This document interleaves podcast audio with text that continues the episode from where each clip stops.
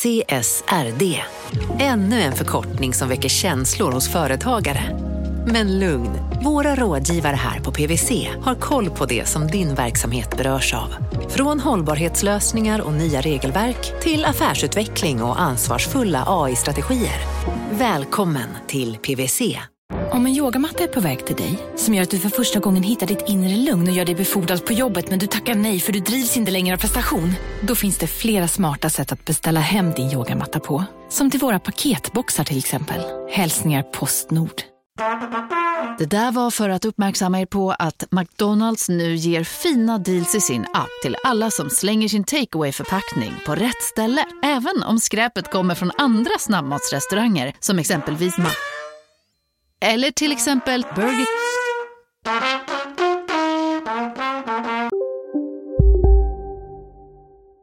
Från Monopol Media, det här är Kapitalet. Jag heter Åsa Secker. Och jag heter Gunnar Harjus.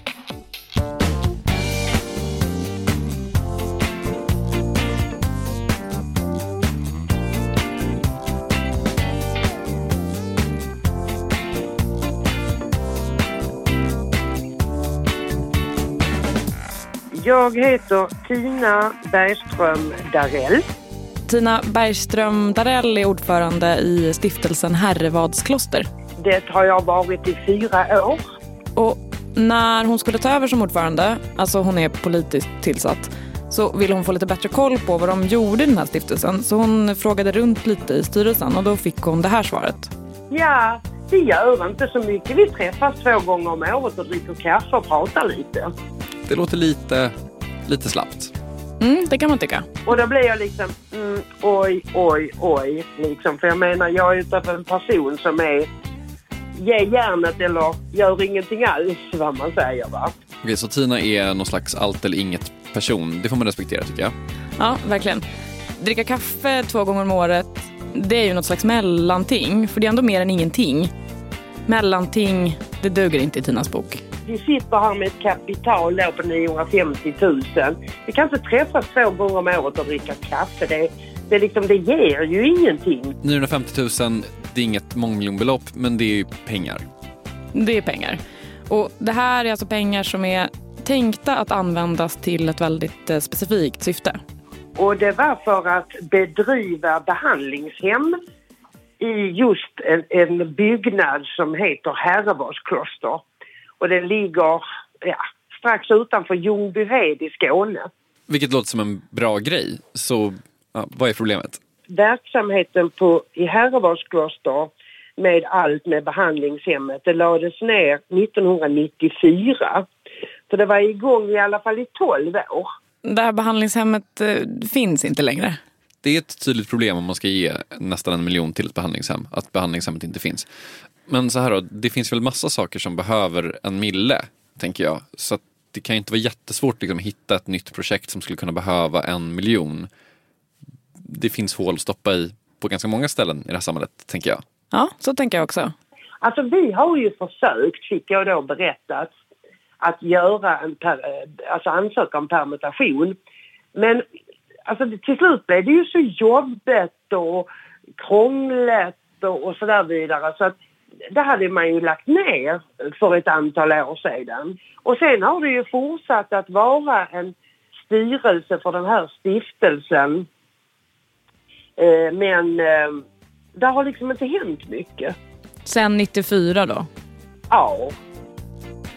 Permutationer, destinatärer och förordnanden. Idag handlar kapitalet om stiftelser. Detta uråldriga påhitt som halva Sverige faktiskt vilar på. När vi kommer tillbaka så försöker vi ta reda på hur svårt kan det egentligen vara att bli av med 950 000 kronor.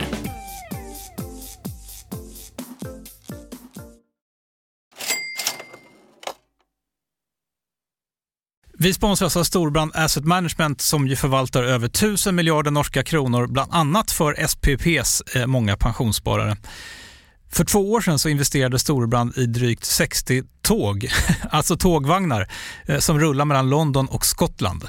De leasar sedan de här tågvagnarna till tågoperatören som alltså kör tågen och säljer biljetter och sånt eh, med ett avtal på 27 år.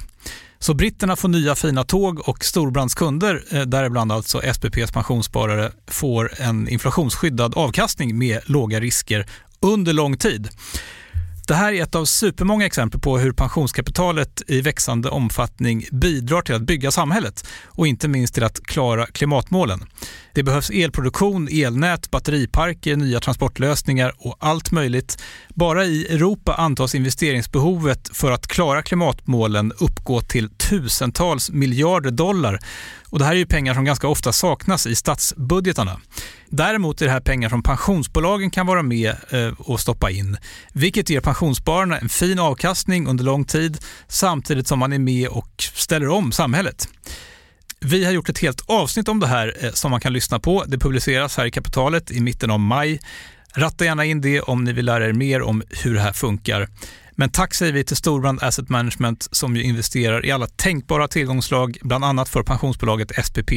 Och tillsammans försöker ju vi, Storbrand och SPP, öka medvetenheten om hur pensionerna funkar och vilken roll pensionerna spelar i samhället och i ekonomin.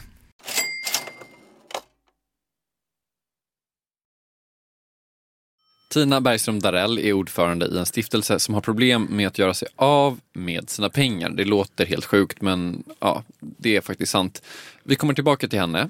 Men om vi zoomar ut lite grann. Det här avsnittet handlar ju då om stiftelser. Jag ska vara ärlig, du sa till mig, jag ska göra ett avsnitt om stiftelser. Jag var kanske inte eld och lågor, det låter lite torrt sådär. Men om du ska sälja in det till mig, varför ska vi ens bry oss om stiftelser överhuvudtaget? Vad är, vad är grejen? Ja, men då skulle jag säga att vi ska bry oss för att det handlar om en jäkla massa stålar. Pengar är ju intressant Mm. och viktigt. Mm. Folk med mycket pengar har ofta mycket makt och så vidare. och så vidare. Jag är helt med på att pengar är makt. Eh, Hur mycket pengar är det då? Hur mycket makt är det? Ja, men så här, man vet att det är mycket, men man vet inte exakt hur mycket. Eh, inte ens eh, Claes Pettersson vet. Jag har ingen aning hur mycket det de facto rör sig om, men det är massor. Varför är det en grej att inte ens Claes Pettersson vet? Vem är Claes Pettersson? Ja, mitt namn är Claes Pettersson. Jag är professor i rättshistoria på juridiska i- institutionen i Stockholms universitet. Claes har alltså studerat själva stiftelseformen, skrivit massa utlåtanden om stiftelser i typ halva sitt liv. Eh, så jag tänker att om han inte vet så är det liksom inte så himla lätt att ta reda på. Det låter som en rimlig bedömning. Men även om man inte vet exakt hur mycket så borde man väl kunna... Har du en mellan tummen och pekfingret siffra här i alla fall? Den här artikeln som jag tipsade om av, som Gustav Olin har skrivit, där försöker han ju uppskatta dåtidens, och det är ju redan då stora belopp, men alltså hur många hundra eller tusentals miljarder det rör sig om i Sverige, det är svårt att uppskatta, men det är mycket. Aha, har du läst den här artikeln? Ja, men det är klart jag har. Jag gör väl som Claes säger. Ja. Gustav Olin var alltså jurist. Han skrev en text om stiftelser till eh, andra upplagan av Nordisk familjebok. Eh, kul bok. Den kom ut 1917. I den texten så använder sig Gustav Olin av eh, siffror från 1910. SCB gjorde tydligen en jättestor genomgång av alla stiftelser det året. Och redan då, alltså 1910, så uppskattade man att det handlade om 329 miljoner kronor. Vilket i dagens svenska penningvärde handlar om, 17 miljarder ungefär. vilket är jätte- jättemycket pengar. Så kan man tänka sig också att de här stiftelserna har ju olika fonder. Det kan ju vara ett viss avkastning på de här fonderna de senaste 109 åren också. Så det kanske är en ännu större siffra. Men SCB har inte gjort någon sån här undersökning sedan 1910 heller. Nej, eh, den som väntar på något gott och så vidare. Eh, nej, men det är skralt med liksom, eh, nutida uppgifter kring de här siffrorna. Men det finns en bok som heter eh, Det mesta om stiftelser. Så bra titel. Den kom ut eh, 2001. Det får ändå räknas som lite mer nutid. Ja. I den boken så uppskattar man marknadsvärdet till eh, 500 miljarder. Vilket är en halv statsbudget. Det är ju jättemycket pengar och då jättemycket makt. En halv statsbudget skulle jag säga är definitionen av ganska mycket makt. Men att vi måste lita på böcker som heter det mesta om stiftelser och inte allt om stiftelser. Alltså varför är det så otroligt svårt att veta hur mycket pengar det finns i de här? Ja, men det finns ett par anledningar. Eh, ett, vi vet inte exakt hur många stiftelser som finns i Sverige. Är de så svårräknade verkligen? Alltså egentligen inte. Eh, de, går att, de går att räkna. Eh, sen 2010 så ska stiftelserna dessutom registrera sig hos Länsstyrelsen. Och så samlas alla de här registreringarna i en gemensam databas. Jag tror att det är drygt 17 000 registrerade i den här databasen just nu. Men alla har inte registrerat sig och Länsstyrelsen har heller inte hunnit handlägga alla som har registrerat sig. Väldigt osvenskt att inte ha en fullständig databas på det här sättet. Men jag vet, det är jättemärkligt. Det finns dessutom undantag från den här lagen såklart. Eh, familjestiftelser måste till exempel inte registrera sig. Så inte nog med att databasen inte är fullständig, datan är inte ens fullständig. Exakt, vi snackar liksom dataluckor i plural här. Anledning nummer två. Eh, det är bara stiftelser som sitter på mer än en och en halv miljon kronor som är skyldiga att upprätta en årsredovisning. Okej, så Tina Bergström Darells stiftelse måste inte ha en sån årsredovisning. Eh, Och då är det svårt att hålla koll på det för årsredovisningar är bra källor på grejer. Ja men exakt. Och jag menar, en och en halv miljon det är inte jättemycket men säg att det är ett par tusen stiftelser som har nästan en och en halv miljon. Då är det ganska mycket pengar som man då kanske inte har koll på. Typ en miljard. Skulle kunna vara. Ingen Skulle vet. kunna vara. Ingen vet. Ehm, sen finns det undantag här också. Vissa stiftelser måste alltid ha en årsredovisning. Sen är det också så att de som har en årsredovisning, de kan ha så kallad begränsad tillsyn, som det så fint heter. Då behöver de inte lämna in sin årsredovisning till tillsynsmyndigheten, alltså Länsstyrelsen. För det kan stiftaren ha skrivit in i stiftelseförordnandet när stiftelsen bildades. Det låter orimligt men tydligen då i den här stiftelsevärlden så är det rimligt. Jag tror att du kommer tycka att det är mer rimligt eh, om en stund. Okej, men jag börjar i alla fall få något slags om varför det är svårt att få fram en exakt siffra kring hur mycket de här omsätter i alla fall. Ja, men eh, precis. Det finns dessutom en tredje anledning. Du kommer ihåg den här gemensamma databasen där länsstyrelserna för in olika uppgifter som stiftelserna skickar in när de registrerar sig, om Jag de gör det. minns. Mm. Den här uppgiften om pengarna, som ju finns i årsredovisningen oftast, länsstyrelserna måste inte föra in den uppgiften i databasen. Och en del har valt att inte göra det. I Stockholm till exempel. Det här är verkligen det osvenskaste vi har. Varför måste de inte göra det?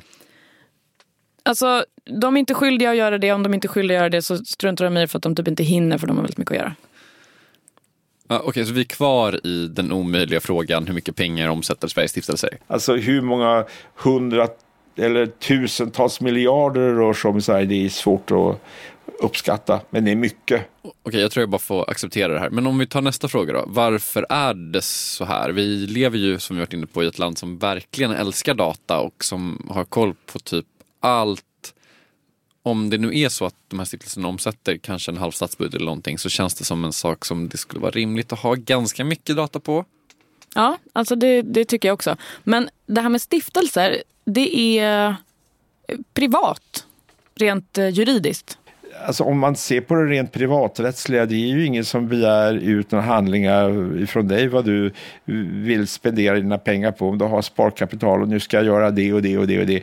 Alltså det, det är ju ingen som kan frågasätta. Och samma sak gäller det här, det är också ett, ett privaträttsligt subjekt precis som du och jag. Alltså, Jag har bara inte så mycket pengar. Nej, nej, det, det, är ju, det, alltså, det har inte jag heller, men i alla fall. Eh, men, men det är ju alltså bara för jämförelsen att, att det ligger så att säga i det privaträttsliga subjektets natur helt enkelt. Okej, privaträttsligt subjekt känns som något slags nyckelord här. Ja, alltså använder man såna här fina juridiska termer då, som Claes gör så finns det två rättssubjekt. Eh, det finns offentliga och så finns det privata. Eh, på ren svenska så betyder det att stiftelserna är liksom som du och jag. Alltså de är som privatpersoner. De här jättestora stiftelserna som sitter på många, många miljarder. Det kan ju nästan kännas typ som en myndighet.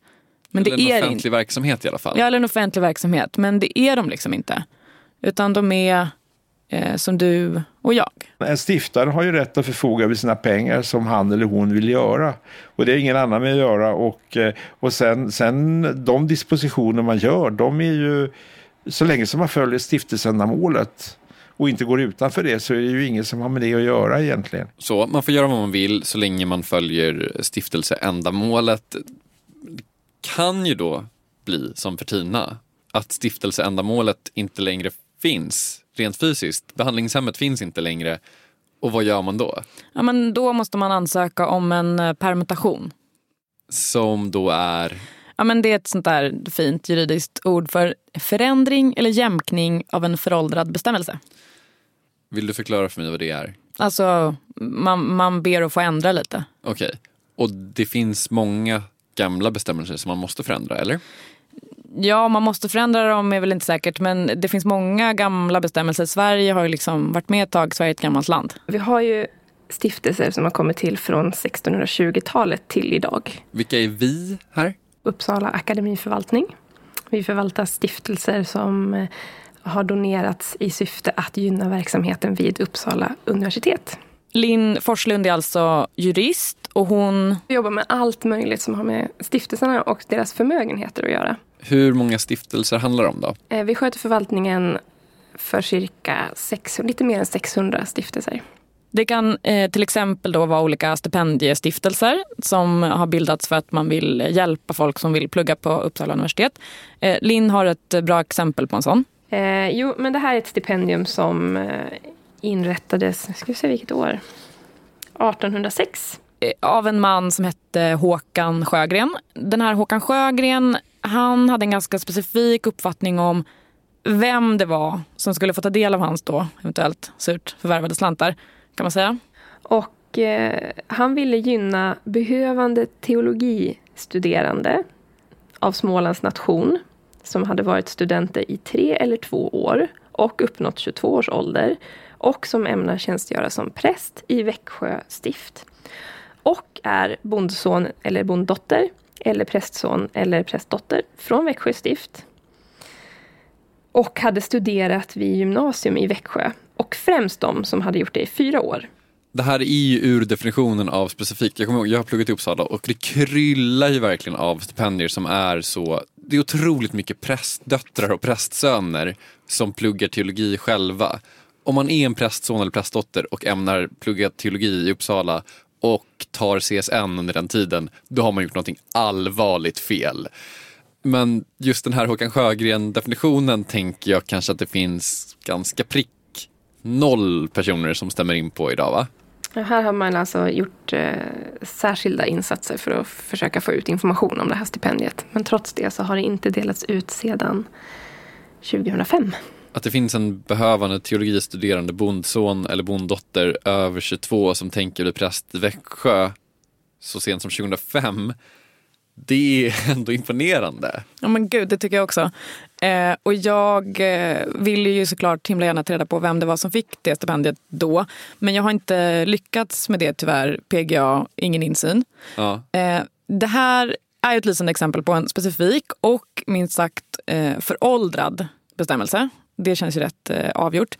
Eftersom att det har gått så himla dåligt att försöka hitta någon som passar in på herr Sjögrens krav så har Uppsala akademiförvaltning ansökt om att då få permutera den här stiftelsen, alltså ändra i de här kriterierna. Och det gör man hur? Ja, men det gör man genom att skicka in en ansökan till eh, Kammarkollegiet. Så det har de gjort. Eh, Och då har de bett att få ändra på det här att man ska vilja jobba som präst i just Växjö stift. Eh, De vill att det ska stå, om man inte hittar någon sån person så kan man få ge pengarna till någon som kanske vill jobba i ett annat stift. Kanske Småland liksom? Eh, Exakt. Ja, även, även jag vet inte, Jönköpings stift, Trånghalla kanske inte har ett eget stift, jag vet inte. Men ja, jag vet inte. Ja, men okej. Det, är en rimlig, utöka det här för guds skull, känner man ju. Ja, det är en, det är en rimlig, eh, rimlig ansökan. Det som är lite kul med den här stiftelsen det är att det var svårt att hitta folk som uppfyllde alla de här kriterierna eh, redan på 1930-talet. För då permitterades den för första gången.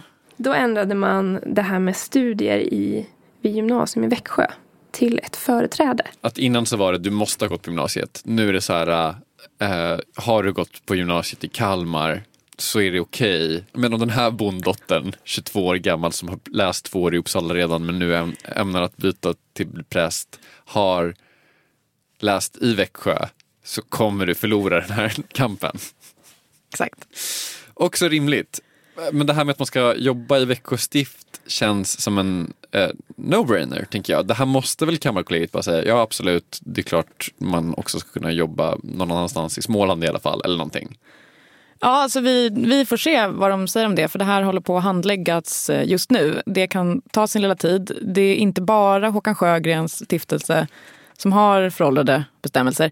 Förra året så kom det in eh, 416 eh, permutationsärenden till Kammarkollegiet. Så de har en del att stå i.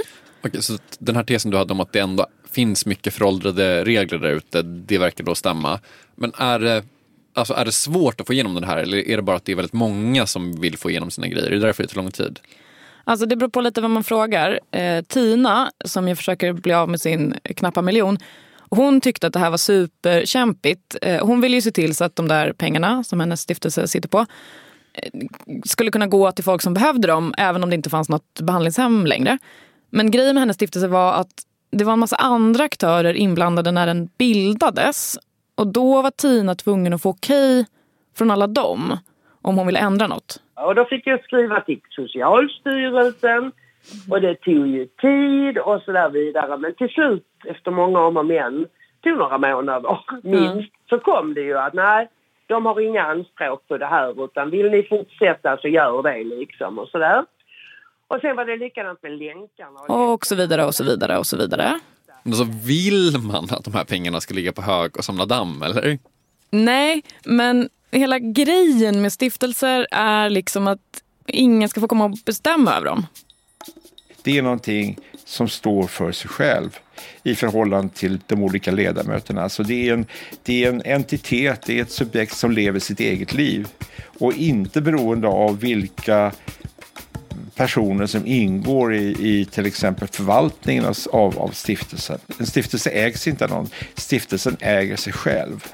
Stiftelsen har ingen huvudman. Alla stiftelser lever sitt eget liv eh, efter Eh, stiftelseförordnandet, efter stiftarens vilja och eh, efter det ändamålet som stiftelsen ska realisera. Alltså jag kan känna lite grann att stiftelser liksom lever i en parallell värld med helt andra spelregler. Alltså när Claes säger att de äger sig själva Alltså jag vet inte hur din hjärna funkar, men jag ser framför mig hur ett gäng så här, gamla papper med snirklig handstil liksom flyter omkring i atmosfären. Typ.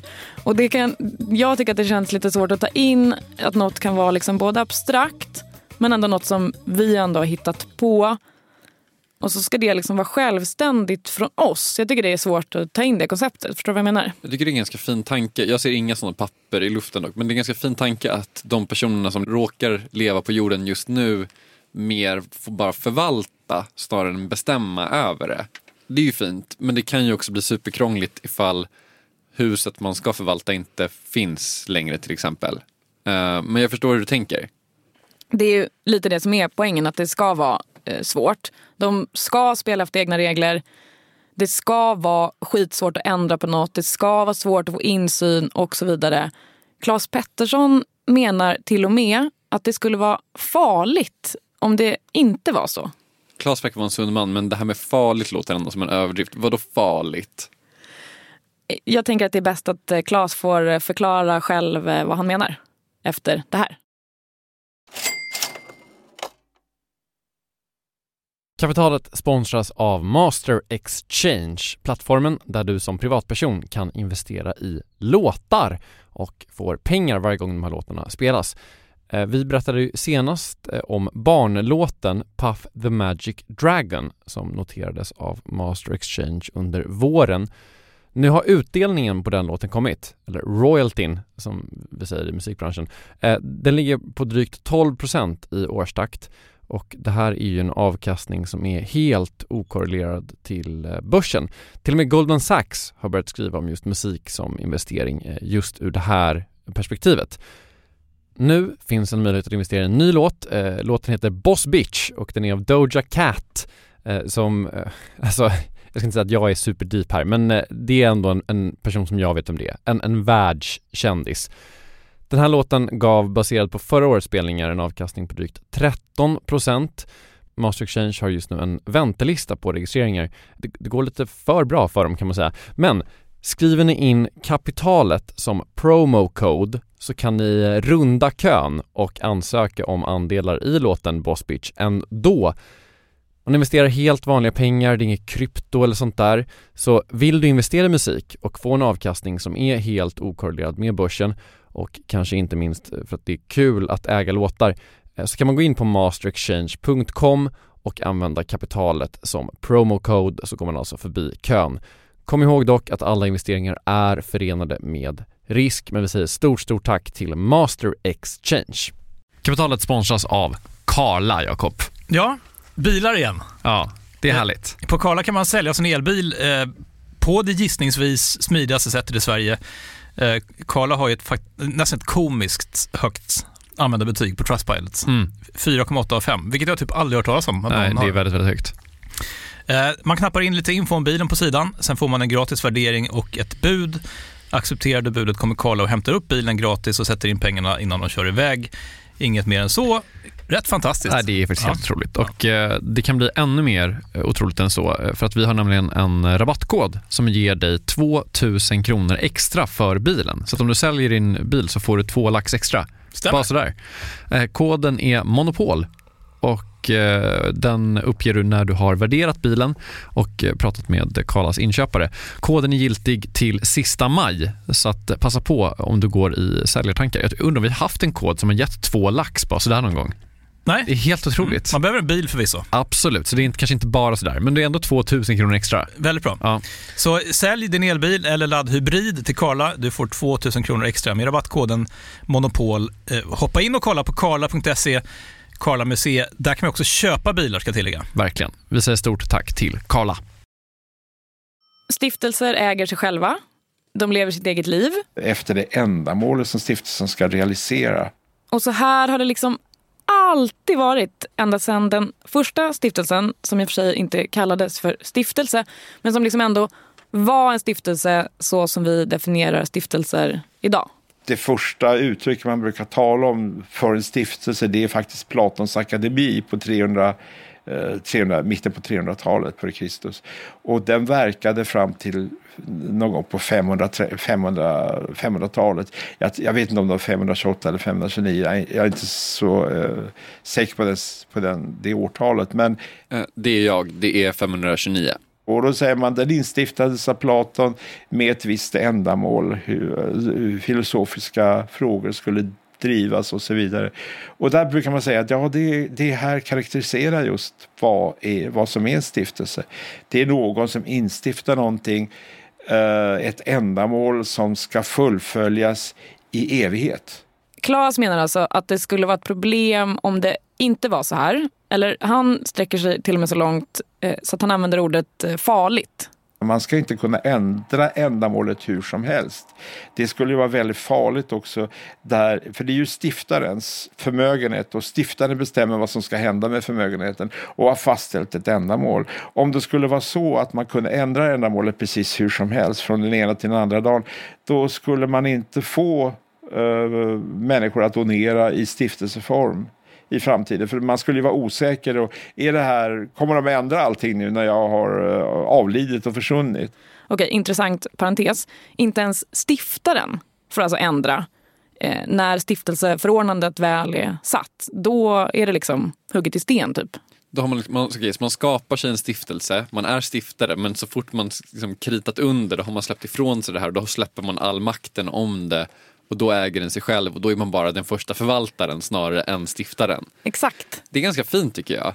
Men man får ändra ändå. Om man frågar Kammarkollegiet. Ja, precis. Alltså det, finns, det finns en liten ventil. Men när de tittar på sådana här ansökningar så ska de eh, bedöma om de här ändringarna liksom, så att de inte sticker iväg för mycket från stiftarens liksom, ursprungliga syfte. Så man kan liksom inte gå in och ändra hur mycket som helst utan det är, liksom, det är ett finlir.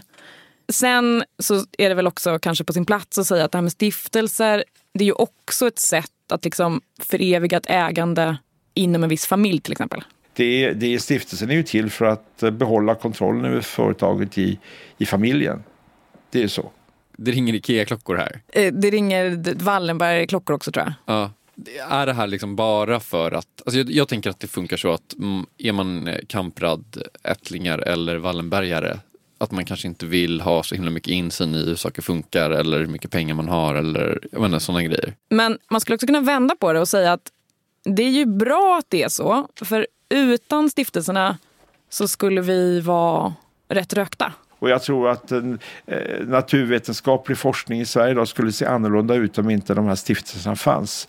Därför att de får väldigt mycket understöd från stiftelserna till sin, sin, sin forskning. Så att de är superviktiga kan man säga. Okej, bara för att ta ett exempel. Om man kollar på Karolinska institutet. Eh, en fjärdedel av alla deras intäkter kommer från stiftelser och organisationer. De fick alltså nästan 200 miljoner eh, bara av Knut och Alice Wallenbergs stiftelse som för övrigt delade ut en miljard om året till forskning. Ja, men härligt, jackpot för KI. Eh, nu handlade det här visserligen bara om en bråkdels bråkdel av de här summorna. Men den här knappa miljonen är jag ändå intresserad av. Alltså den som Tina hade innan som skulle gå till det här behandlingshemmet. Lyckades hon baxa igenom den här permutationen eller? Alltså jag, jag, det är som jag säger, jag är envis utav mig. För har jag gett mig in i någonting så ska jag re upp det också va. Men jag förstår de som inte har ett tålamod. För det tog mig tre år. Kämpa Tina. Verkligen. Eh, sen var det visserligen inte helt lätt i alla fall för att kommunerna var liksom inte supersamarbetsvilliga. De såg framför sig att det skulle bli massa pappersarbete. Tina försökte vädja till dem. Jag menar liksom, snälla rara det är pengar vi vill, vi vill bli av med pengar va. Men herregud, ta pengarna. Eh, jag är på din linje. Till slut så lyckades de i alla fall hitta en kvinna som driver en organisation som liksom ligger i linje med stiftelsens ursprungliga syfte. Alltså att hjälpa folk med eh, beroendeproblematik. Så då fick hon eh, 50 000. Hon var så glad som hon grät. Seger för Tina, grattis. Ja, jag är, ärligt talat så är jag jättestolt över mig. Och så ska de fortsätta att dela ut pengar till olika fina ändamål tills den här högen med pengar är slut och då tänker de avveckla den här stiftelsen. Slutet gott, allting gott. Och med det är kapitalet slut för idag.